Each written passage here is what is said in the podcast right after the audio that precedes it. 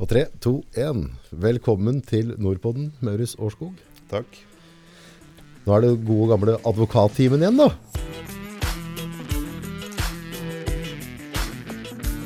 Ja. I dag så har jeg noen spørsmål rundt det med kontrakter. Både generelt så har vi jo veldig mye konflikter som starter på muntlige avtaler, som på en måte ikke har kanskje blitt satt ned og, og satt i system. da. Så at uh, eksempelvis du og jeg starter et firma sammen, og vi har liksom en intensjon og at skal drive ditt og datt, og så går det noen år, og så, og så blir det trøbbel. ja. Hva skal til, eller hva, hvordan skal jeg få en kontrakt til å fungere? alt? Når, når er den gyldig, og hva bør du liksom tenke på når du skal sette opp et sånn? Altså, hvis du tenker eh, kontrakter generelt, så, så kan jo muntlige avtaler være like bindende som en skriftlig, sånn i utgangspunktet. Ja. Eh, men det blir jo mer bevisproblematikk da, for hva som er avtalt, hvis det er muntlig enn hvis det er skriftlig. Eh, det er sånn helt sånn generelt. Men hvis du tenker på um, en sånn situasjon som du beskriver nå, at man starter en eller annen virksomhet sammen, så, så vil det være litt mer sammensatt enn eh, bare lage en kontrakt. Altså, da tenker jeg at det første man må finne ut, er på en måte hvilken organisasjonsform skal man ha. ja. Eh, skal man drive et aksjeselskap? Um, som vel kanskje er det mest vanlige da, hvis det er flere som går sammen og skal drive en virksomhet. Um, så må man jo først eh, fastsette aksjonærposisjonene. Aksjene hver skal ha. Eh, man må lage vedtekter for aksjeselskapet. Man kan også ha en aksjonæravtale. Uh, og det utgjør rammeverket. Uh, og hvis du tenker eh, eh, Nå spørs det hva slags virksomheter du tenker, da, men man har jo alle mulige modeller. Alt fra såkalt naken inn, naken ut. Det er mest vanlig i firmaer som på en måte ikke eier noe, men som skaper store verdier. Ja. Altså Et eksempel på det kan jo være advokatfirmaer. ikke sant? Ja. Skaper verdier på arbeidet sitt, men det ligger ikke så mye eiene, gjenstander av verdi i firmaet. Nei, det er firmaet i seg sjøl, gruppa, som Ja. har en verdi. Ja, og de menneskene som er der. og øhm, Pluss da sikkert en goodwill som kan være knyttet til et merke, en merkevare f.eks. Ja. Eh, sånn kan det sikkert kanskje også være i en sånn type virksomhet som dette her. Selv om du sikkert eier noe utstyr, men det er ikke utstyret seg selv som er verdien. Nei. Um, Ja, Utstyr kan jo alle kjøpe. det kan alle kjøpe, Ja, men eh, kundetilfanget kan man ikke kjøpe. Nei. Uh, Så da er det jo spørsmål om å velge en modell for dette her. Om man da en type Hvis du bare En modell kan jo være at man bare hver eier så og så mye aksjer. Mhm. um, Da vil um, Og ikke avtale noe annet, så vil jo da det resultatet som blir igjen hvert år, det vil jo kunne deles da forholdsmessig på aksjonærene ikke sant, etter utbytte. Men der har du noe, noe forhold til hvem som eier hva, og hvor mye. For det, det er jo noen prosentsatser der òg. Det er det. Og det, er, det, det bør man være klar over. Det. Altså Hvis du går inn i et altså, eh, Aksjeloven er jo bakgrunnsretten eh, for disse problemstillingene. Ja. Og da er det jo sånn at eh, aksjeeierne de møtes jo på generalforsamling for å treffe beslutninger. Det skal i hvert fall være én generalforsamling i året. Mm. Holdes innen utgangen av juni måned. Eh, og de fleste beslutninger som treffes på generalforsamling, det er vanlige flertallsbeslutninger. Altså mer enn 50% stemmer for mm. eh, noe. Eh, så har man noen typer beslutninger trengs da kvalifisert flertall. Dvs. Si, eh, to tredjedels flertall. ja. Det er bl.a. å endre vedtektene. Eh, og så er det sånn at hvis, man eier, hvis det er én aksjonær har mer enn 90% så kan det i visse tilfeller tvangsutløse resten av aksjonærene. Og det vil si at eh, Tvangsutløse resten av aksjonærene. Ja, altså ta over, kuppe hele selskapet. Da. Ok, da kan jeg bare si at eh, jeg skal ha dine 10% Maurits, ferdig. Eh, du må betale for det Ja. eh, etter en verdsettelse, men eh, det er en del regler rundt det. Og eh, dette her gjør jo at eh, hvis du går inn som eh, aksjonær i et selskap hvor én annen aksjonær eier mer enn 50 Ja. så må du på en måte akseptere at du har egentlig ingenting du skulle ha sagt. Nei. Eh, fordi eh, de aller fleste beslut eller alle beslutninger er jo ved flertall eller, eller mer. Ja. Så da kan du jo ikke bestemme hvem som skal sitte i styret. Det er den som har flertall, som bestemmer det. Um, og det, har jo noe, det må man tenke på hvis man skal gå inn i et uh, firma. da, Mm. Man skal eie Om det er én aksjonær som der eier 50 eller mer. Ja. Og enda verre er det hvis én aksjonær da eier to tredjedeler Ja. eller mer. For da har den aksjonæren sikra enda større eh, rettigheter. Ja. Og, og enda verre igjen blir det hvis da en aksjonær eier 90% eller mer. Og det har jo noe å bety for verdien av eh, de aksjene du eier. Og Derfor så er det jo veldig vanlig å lage f.eks. aksjonæravtaler. Okay. Eh, som sier altså Nå i dag for eksempel, så har jeg sittet masse med eh, en aksjonæravtale knytta til ja, Det er en del bestemmelser som er veldig vanlige. og Det er jo at man kan si at hvis da en eh, aksjonær selger aksjer til en eh, annen aksjonær, eller en ny aksjonær, Ja. og den aksjonæren derved får mer enn to tredjedels flertall, mm.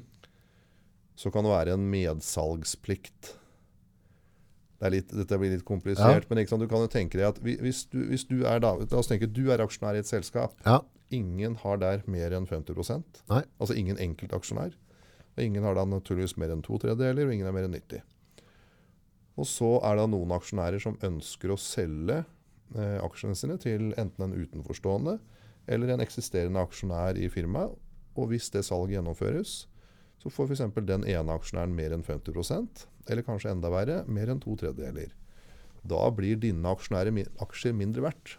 Ja, for da har jeg null råderett da. For da har du mindre, skulle sagt. Da ligger egentlig all makt, eller i hvert fall nesten all makt, hos den ene aksjonæren som har mer enn 50% eller mer enn to tredjedeler. Mens det før var spredt, ikke sant. Mm, mhm. Man kunne jo gå Der kunne du ha en diskusjon liksom, men... kunne ha en diskusjon, men hvis det er én som eier mer, så er det, har du ikke mye skulle sagt. Eh, og da, i det øyeblikk det skjer, så blir jo dine aksjer mindre verdt. Ja. I praksis. Hvis du skulle selge dem, så er det mindre attraktivt å kjøpe aksjer i et selskap hvor en annen aksjonær har mer enn 50% eller mer enn to tredjedeler. Og Det gjør at det er veldig vanlig i aksjonæravtaler å innta bestemmelser om eh, tilbudsplikt, som det kalles, eller, eller medsalgsrett. Det vil si, typisk eksempel hvis jeg da eh, eier aksjer i et firma, du eier aksjer i et firma, og så skal jeg selge aksjer til en tredje person, Ja. og han ved det overdragelsen blir eier av mer enn 50 mm. så kan det være i aksjonæravtale inntatt bestemmelser at hvis, det, hvis jeg gjør det, så skal du ha rett til også å selge dine aksjer til samme pris. Ok, ja. Da, da er du sikra verdien av aksjene. Da, da Ah, slipper du ja. det å dumpe eh, eller få redusert eh, verdien av aksjene. En sånn eh, medsalgsrett, da, ikke sant. Hvor jeg, hvis jeg skal selge til noen, og den blir mer enn 50% så er jeg forplikta til å skaffe et tilbud også til deg, sånn at du også kan selge. Altså du kan rømme ut bakdøra, ikke sant. Du Ja, også ja, ja. hvis du vil. Så, mm, og sånne ting er jo Sånne ting som vi snakker om nå, det er jo de færreste hvis du starter et firma som tenker så grundig gjennom sånne forhold. Man starter, og så blir blir litt til etter Ja, veien blir til mens man går. Mm. Um, men sånne ting bør man jo i hvert fall underveis da bli litt uh, mer og mer klar over, da. La oss si hvis jeg skal, jeg skal sette opp et AS nå, som uh, to kamerater. Hva bør vi tenke på? Hva bør jeg tenke på da? Dette er på en måte, ser veldig lovende ut. Vi går inn med noen kroner alle sammen. Vi går inn og skal begynne med dette der. Mm. Hvilken avtale bør jeg ha til grunn da? Altså, forhold til med holdingselskaper og diverse, er det, noen, er det noen ting jeg bør tenke på som bør egentlig være inne fra dag én? Ja, Det er mye du kan tenke på. Altså, hvis du nevner først uh, holdingselskaper, da, så um, Nå vet man når man starter en av virksomhet i et AS, uh, så vet man jo aldri helt uh, om dette går bra eller ikke fullt så bra. Eh, men effekten av et sånt holdingselskap, hvis du tenker det, da, mm. de er jo først og fremst for da å redusere skattebelastningen hvis du tjener gode penger. Okay. For uh, la oss si du og en kamerat uh, starter et firma. Mm. Uh, enten kan jo du eie dine aksjer privat, mm. og kameraten kan eie sine aksjer privat. Eller du kan ha et holdingselskap. Sånn at. Du har et, det firmaet dere har sammen, og så et holdingselskap som eier aksjene i det, og så eier du aksjene i holdingselskapet igjen. Mm. Uh, og effekten av et sånt holdingselskap det er jo først og fremst at holdingselskapet kan jo ta ut utbytte fra driftsselskapet mm. uten at det blir belasta skatt av utbytte. Ok, så da kan det, de pengene få lov til å ligge i holdingselskapet? det vil si, men hvis du tar dem ut privat, så må du da betale skatt av det utbyttet. Og da tenker jeg hvis du vi, La oss si du tjener gode penger, og du ikke skal forbruke de pengene, mm. men eh, investere dem videre, mm. så har du jo mer å investere for hvis du har et, en holdingselskapsstruktur, Ja. Enn hvis du har eh, Du eier aksjene direkte privat. da. Det er Det det som er- er tanken bak Det er, eh, det er effekten, og det er som hoved... Er det et sånt skattehull, rett og slett? Eh, nei, det er ikke skattehør. Det er, det er helt bevisst. Altså, dette, det, er- det er et villet regelverk og gjennomtenkt regelverk, så det er ikke noe Jeg kan ikke skatte... Vi er kan ikke ikke kalle det et liksom. smutthull, men, eh, men regelverket er nå sånn at eh, et sånt holdingselskap betaler ikke da skatt på utbyttet det mottar, men det betaler skatt når du tar pengene ut av holdingselskapet. Da, ja. Og Så da, lar de penga kunne ligge i næringa, så de kan reinvestere i ja, Da har du mer å investere for ikke sant? Ja. enn om du skulle tatt pengene ut og så brukt dem. Ja.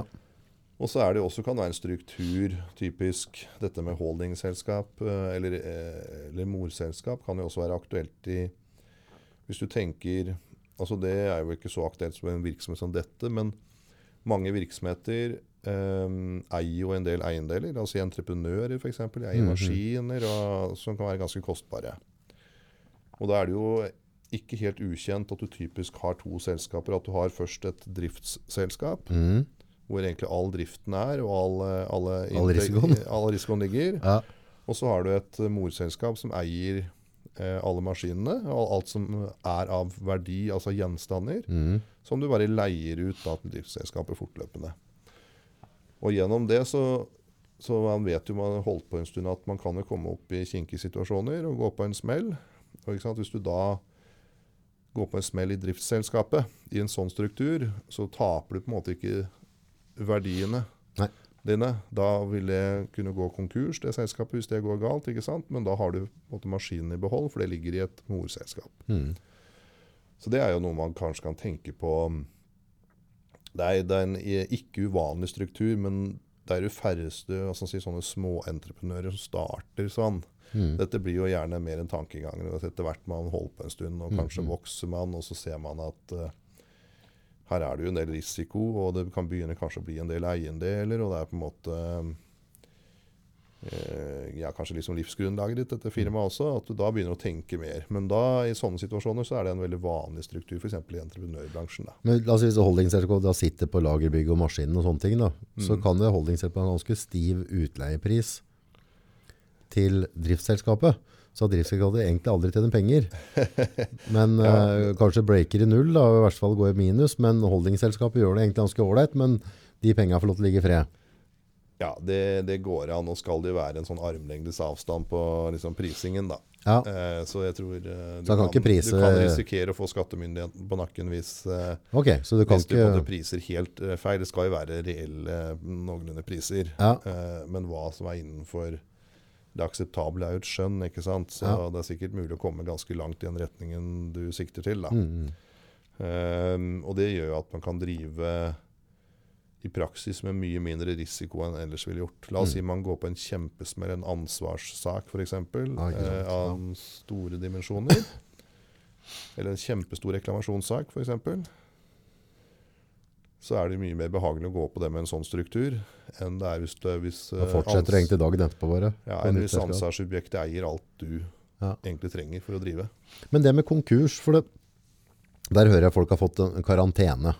Ja. Men en konkurs, når er det en konkurs begynner å bli straffbar?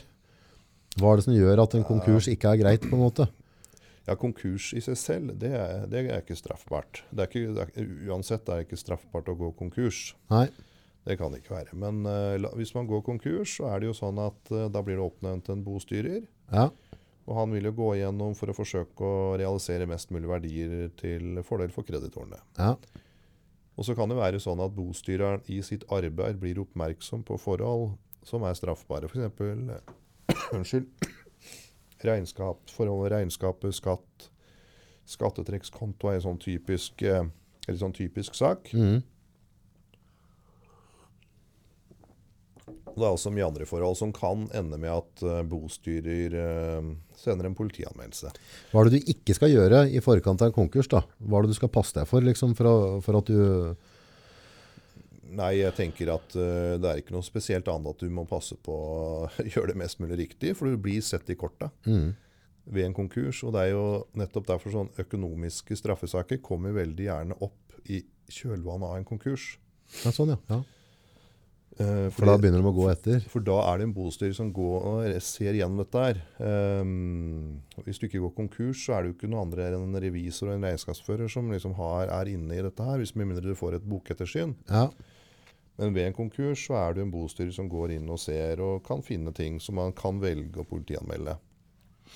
Sånn typiske ting er jo at du mangler skattetrekkskonto, at ikke behandler skattetrekksmidler riktig. Mhm. Unnskyld. Men det kan også være andre forhold.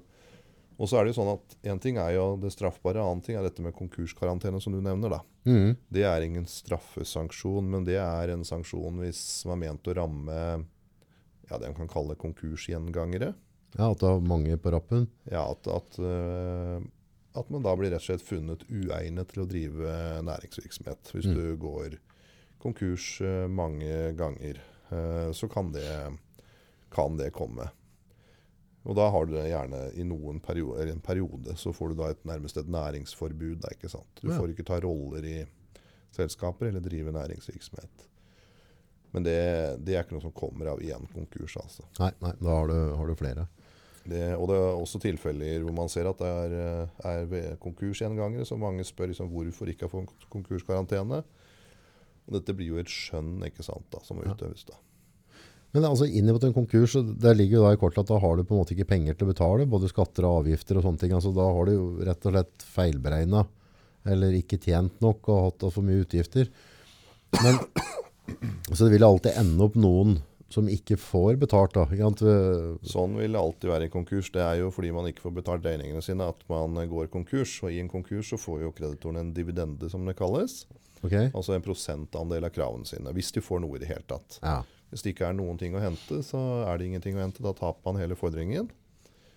Eh, Men hvis det er noe penger i boet, så blir det fordelt eh, mellom kreditorene etter en rekkefølge, og så etter en dividende til slutt. Altså man får prosent av kravet sitt. Men hvis en skylder mye til skatteetaten da, Mm. da er det jo sikkert straffbart.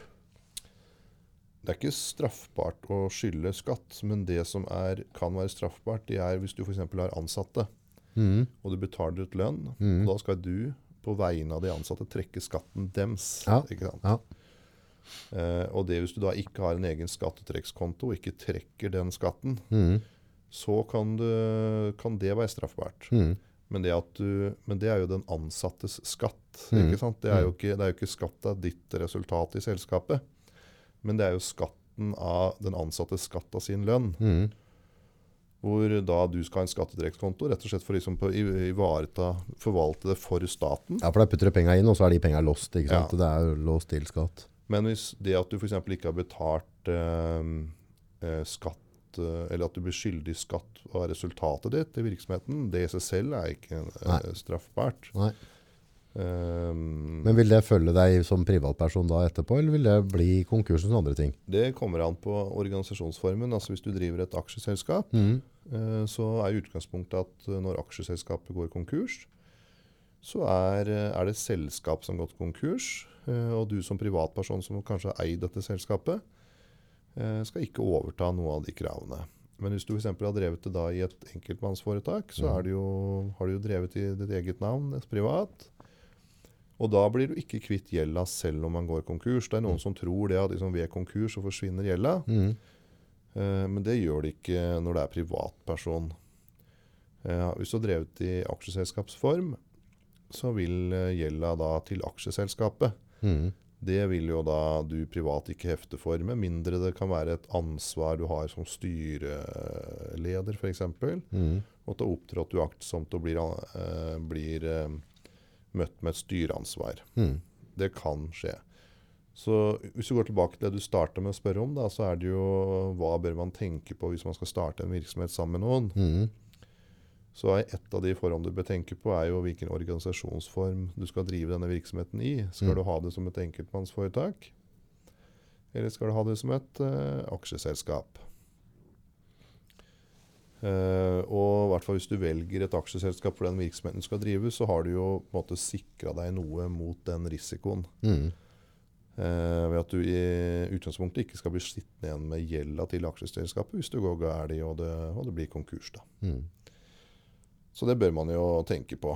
Så, um, men samtidig så vil det være sånn at hvis du driver en virksomhet som trenger kapital, så er det ikke så lett å skaffe den kapitalen hvis du har bare et aksjeselskap eh, som ikke eier noe fra før. Så, det, så man skal på en måte ikke overdrive effekten av det. Jeg tror liksom at hvis du må låne penger, så får ikke det tomme aksjeselskapet ditt lånt så mye penger i en bank uten at det er en kausjon eller noe sånt i bånn. Um, så man må nok regne med å eksponere seg noe privat også, men da har man i hvert fall de kreditorene som oppstår gjennom driften. Mm. De er du mer skjerma mot. Da. ja, ja. Det er det. På en måte, hva, step by step da, hvis, uh, hvis du og jeg og en til skulle starte et selskap nå, hva ville du gjort, hvordan kontrakt ville du ha skrevet da? At vi da har 33,3 et eller annet hver. Ja, Eh, hvis vi skulle det, Ja, eh, så ville jeg i hvert fall Først så måtte jo etablert selskapet, laget stiftelsesdokumenter, lagd vedtekter. mm. Og så ville jeg i hvert fall eh, anbefalt en aksjonæravtale tilpassa eh, den enkelte situasjonen. Da. Mm. Jeg ville i hvert fall hatt det. Altså Hvis du tenker Hvilken aksjonæravtale bør det ligge der da? Sånn, Ja, det, det er ikke en, egentlig mulig å gi noe sånn eh, A4-svar på i alle tilfeller, for det kommer an på en konkret situasjon. Men la oss tenke at vi og en til skulle starta en virksomhet. Eh, og så kan det være at, uh, at det er kanskje arbeidsinnsatsen der som er det vesentlige. mm. Det vil det alltid være ofte i start, hvis ikke det er bare en kapitaljustering. Det vil det være, men det spørs på virksomheten. Noen ganger så kan det være at det er mer pengene du går inn med som er det sentrale. La oss si at uh, du er maskinføreren, og jeg kjører lastebil, ja, og tremann er grøftmann og rørlegger. ja, Vi skal starte et anleggsselskap, og vi skal ha en lik en tredjedel hver. Da. ja. Men da er vi jo litt avhengig av at, at jeg kjører like mye som deg, og han jobber. Altså, ellers så vil det bli litt Da tror jeg det i hvert fall ville ha tatt med, er for det første en arbeidsplikt. da, ikke sant? Ja. Eh, at eh, Det bør jo stå noe i aksjonæravtalen at alle skal være ansatt i firmaet og f.eks. jobbe full tid, eller ha noen reguleringer rundt det. mm, Ehm, og så er jo også et spørsmål ikke sant, uh, Hva skjer hvis ehm, Hvis øh, en vil ut av firmaet? mm. Det er ikke så uvanlig, det. Nei, kan det bli uvennskap? Eller? Og da er det jo spørsmål eh, hvordan man skal verdsette aksjene til den det gjelder. ikke sant? Og det kan man kanskje ha noen tanker om i forkant. For det er noe som lett vil bli en tvist, da, ikke sant. Du skal ut, og så, og så skal da de tidligere kompanjongene dine overta aksjene. Mm. Så det bør du tenke litt rundt. Det går an å skrive noe om i en sånn aksjonæravtale. Uh, ja, det er vel det først og fremst tenker på, da. Mm. Men en sånn veldig sånn typisk greie som jeg har hørt at mye om folk som har begynt sammen, er at uh, ok, vi tre vi driver på, og så er det mye innsatt. Vi jobber 12-13-14 timers dager for å få det til å gå rundt. Vi har ikke så mye penger å gå inn med. Vi leaser noe utstyr, og, og vi er, er i drift. da. Og så får jeg meg dame. Mm. Og syns det er litt greit å ha litt fri i helgen, for vi skal ut på litt ting og sånne ting. Mm. Men du og Oskar, dere kjører på fortsatt. Og så får vi da et overskudd i det selskapet, et aksjeutbytte på slutten av året. Mm. Da begynner kanskje dere å bli surmaga.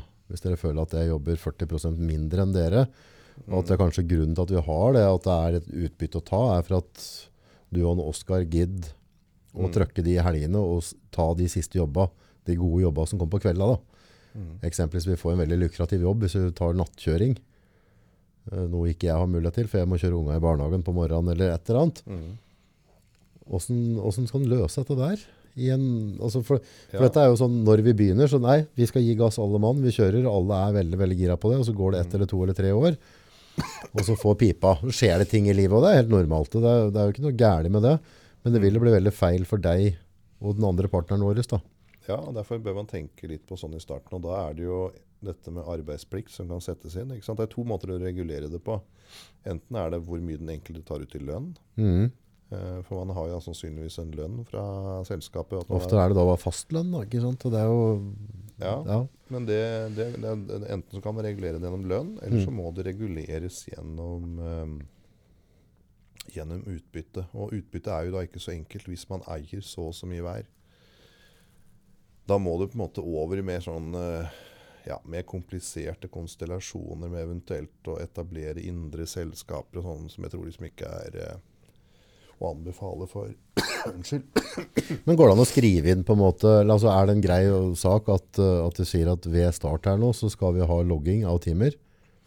Eh, alt som skjer, om ja, du da står og bytter olje på maskinen sånn i helgene og sånne ting, Mm. at du da på en måte har en plikt å skrive timene på det, at det skal kanskje ta hensyn til Mm. på slutten av året, eller Det som er naturlig i en sånn aksjonæravtale, er jo at du tar inn arbeidsplikt, og så du sier noe om det forventa arbeidsinnsatsen. og så er det sånn at må du ha noen mekanismer da, hvis um, det ikke oppfylles. ja. Ja, hva gjør vi da? Og da, er jo, da, må det, da må det også stå i aksjonæravtalen. At da har for å si det, to av dem rett og slett anledning til å sparke ut den tredje. For å si det litt sånn enkelt. Ja, Hvis man har kommet fram til at uh, man ikke blir enig, og man ikke klarer måte å fordele dette på det man opplever som en riktig måte. mm. Og det er i sånne situasjoner du må ha beskrevet på en måte hvilke plikter som ligger der, og hvilke konsekvenser det får å bryte de forpliktelsene. Da må det jo fremgå at en av konsekvensene er jo at man kan bli utløst da. Mm. Ja, for det er jo litt greiere hvis du har det svart på hvitt, og vi er enige om det mens vi alle er venner. Så er det litt lettere for ja, men August, dette har du skrevet ned på, dette var vi helt enige om for ett år siden. At her skulle vi jobbe likt, Ja. og det gjør det ikke nå. Vi jobber nøyaktig 50 timer mer enn det hver måned. Og så må det også stå sant, i en sånn situasjon, for det er da det kommer på spissen, hvordan skal aksjene prises? Ja, verdsettes. For hvis du da skal på en måte kjøpe ut da en av dine kompanjonger, som ikke har gødde vært med dratt lasset. så må det i hvert fall stå noe om hvordan dette skal prises. Mm. Eh, så det er, eh, det er det fornuftig å innta i sånne aksjonæravtaler. Eh, ellers så tror jeg at i de fleste tilfeller så må du Jeg tror det beste rådet er å at du liksom tenker deg om to ganger før du på en måte innleder et økonomisk samarbeid med noen som du ikke kjenner altfor godt. da. Ja.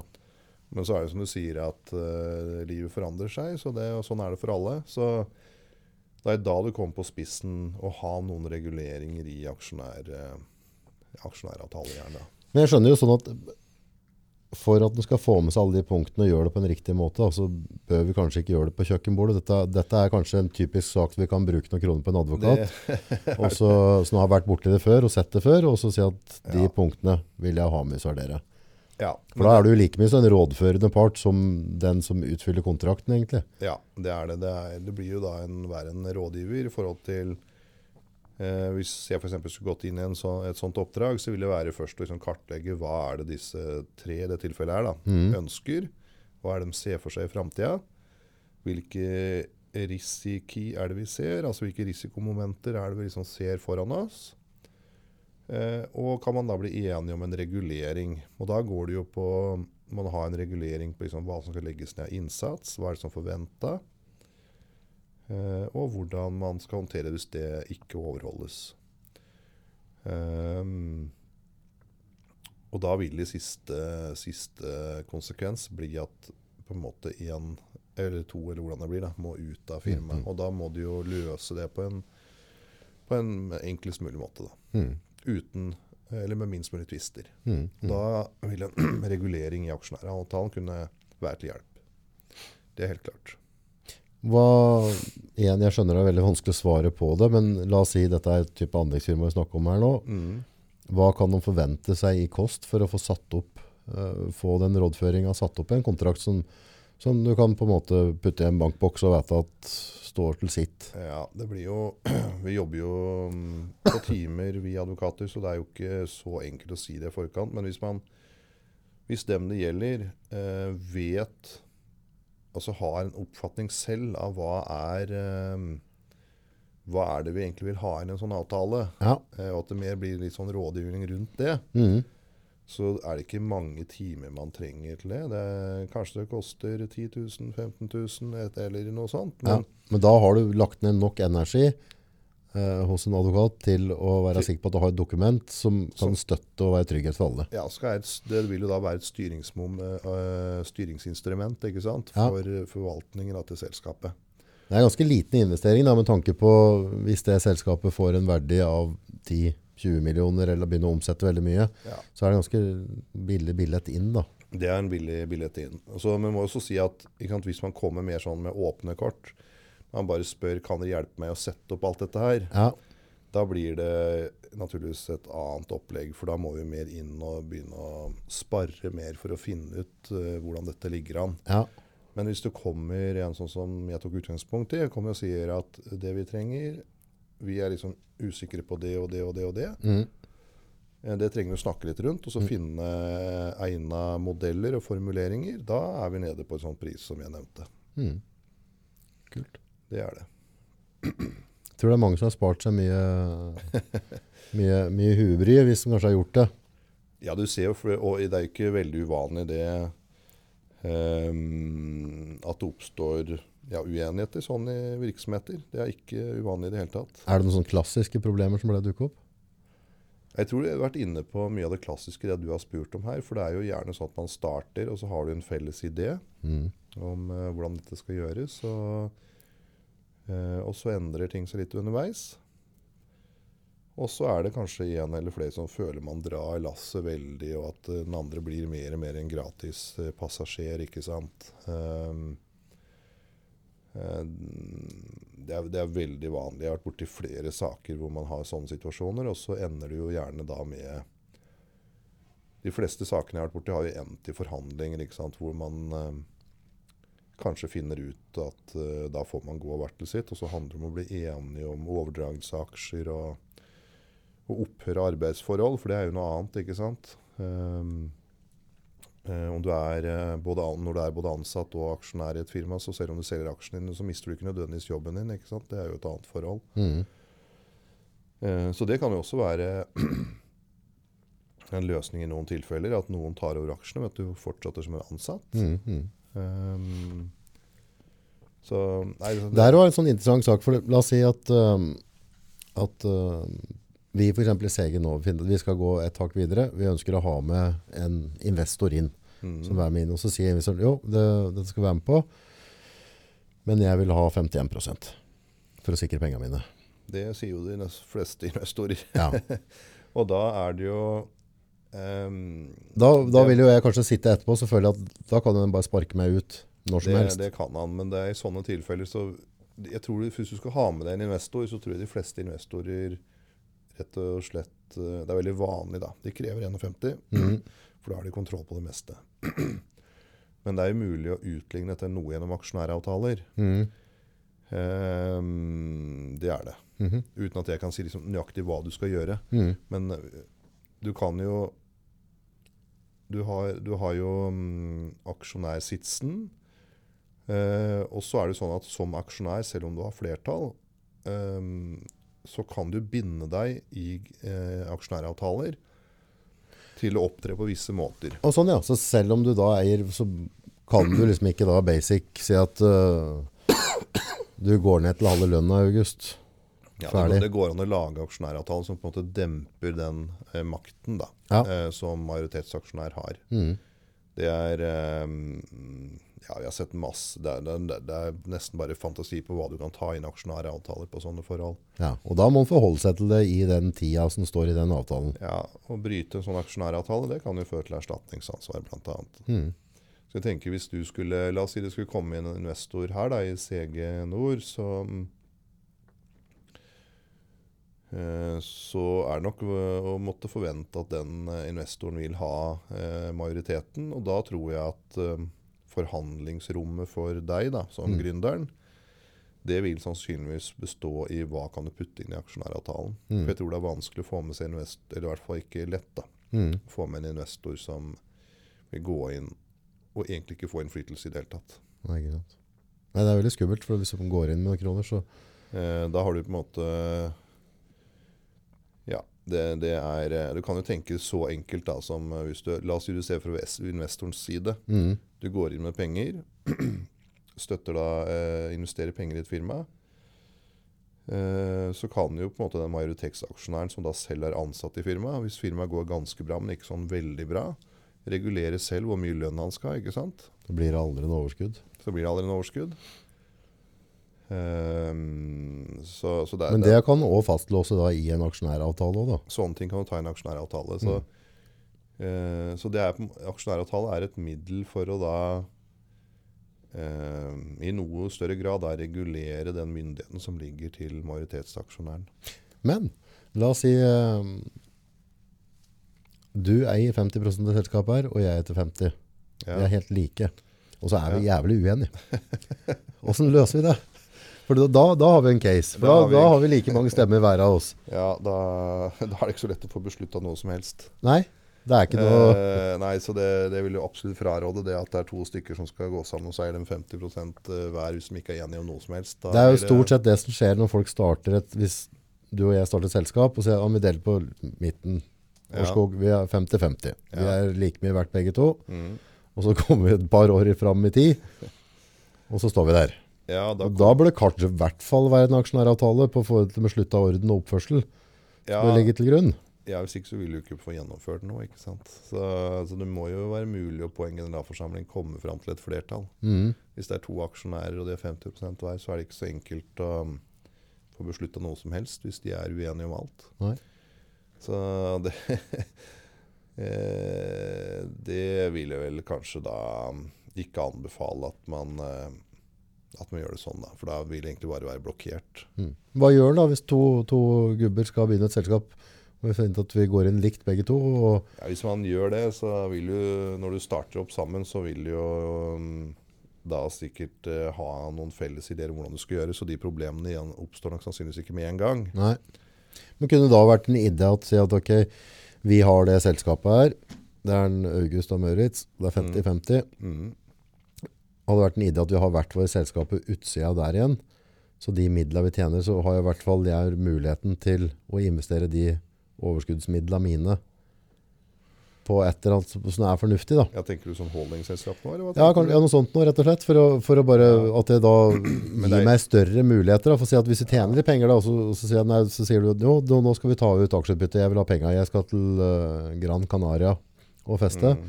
så vi tar ut en million hver nå. Og så sier jeg nei, men du kan vi ikke putte de pengene i en eiendom i stedet, Mm. istedenfor å ta dem ut nå. Kan vi sitte her litt rolig. Så sier du nei, nei, nei, vi skal ha det ut.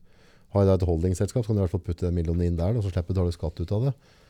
Ja, det- Ja, det kan jo være en uh, løsning på det. Uh, men Så dette- trygger jeg meg litt, da, i hvert fall. Ja, da har du trygga deg litt, men jeg tror eh, det å være sånn 50-50, da er du det, Jeg tror ikke jeg vil anbefale Det er. Det, det, er for vanlig, det er for vanlig at det er et flertall. Ja. At, det at du har en aksjonærfordeling som gjør at det er mulig å få et flertall. Mm. Eh, enten at det er flere aksjonærer, eh, eller at den ene har da litt mer enn den andre. Mm. Og så, så må man da bare akseptere at den som er i mindretall, den har faktisk ikke så mye han skulle sagt, med mindre du har en aksjonæravtale som demper på en måte myndigheten til, eh, til majoritetsaksjonæren. Mm. Det, sånn er det. Dette er ganske komplisert.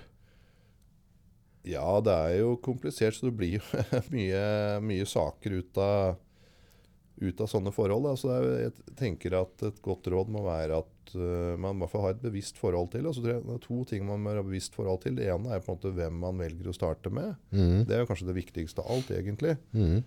Uh, men så kan jo ting endre seg, og ting går litt galt, selv om man uh, mente man uh, gjorde gode valg på hvem man starta med. Og, og det er da det blir eh, aktuelt eller viktig da, å ha noen styringsverktøy som er brukbare. Mm. Eh, annet en aksjonæravtale vil jo da kunne ha en del å si.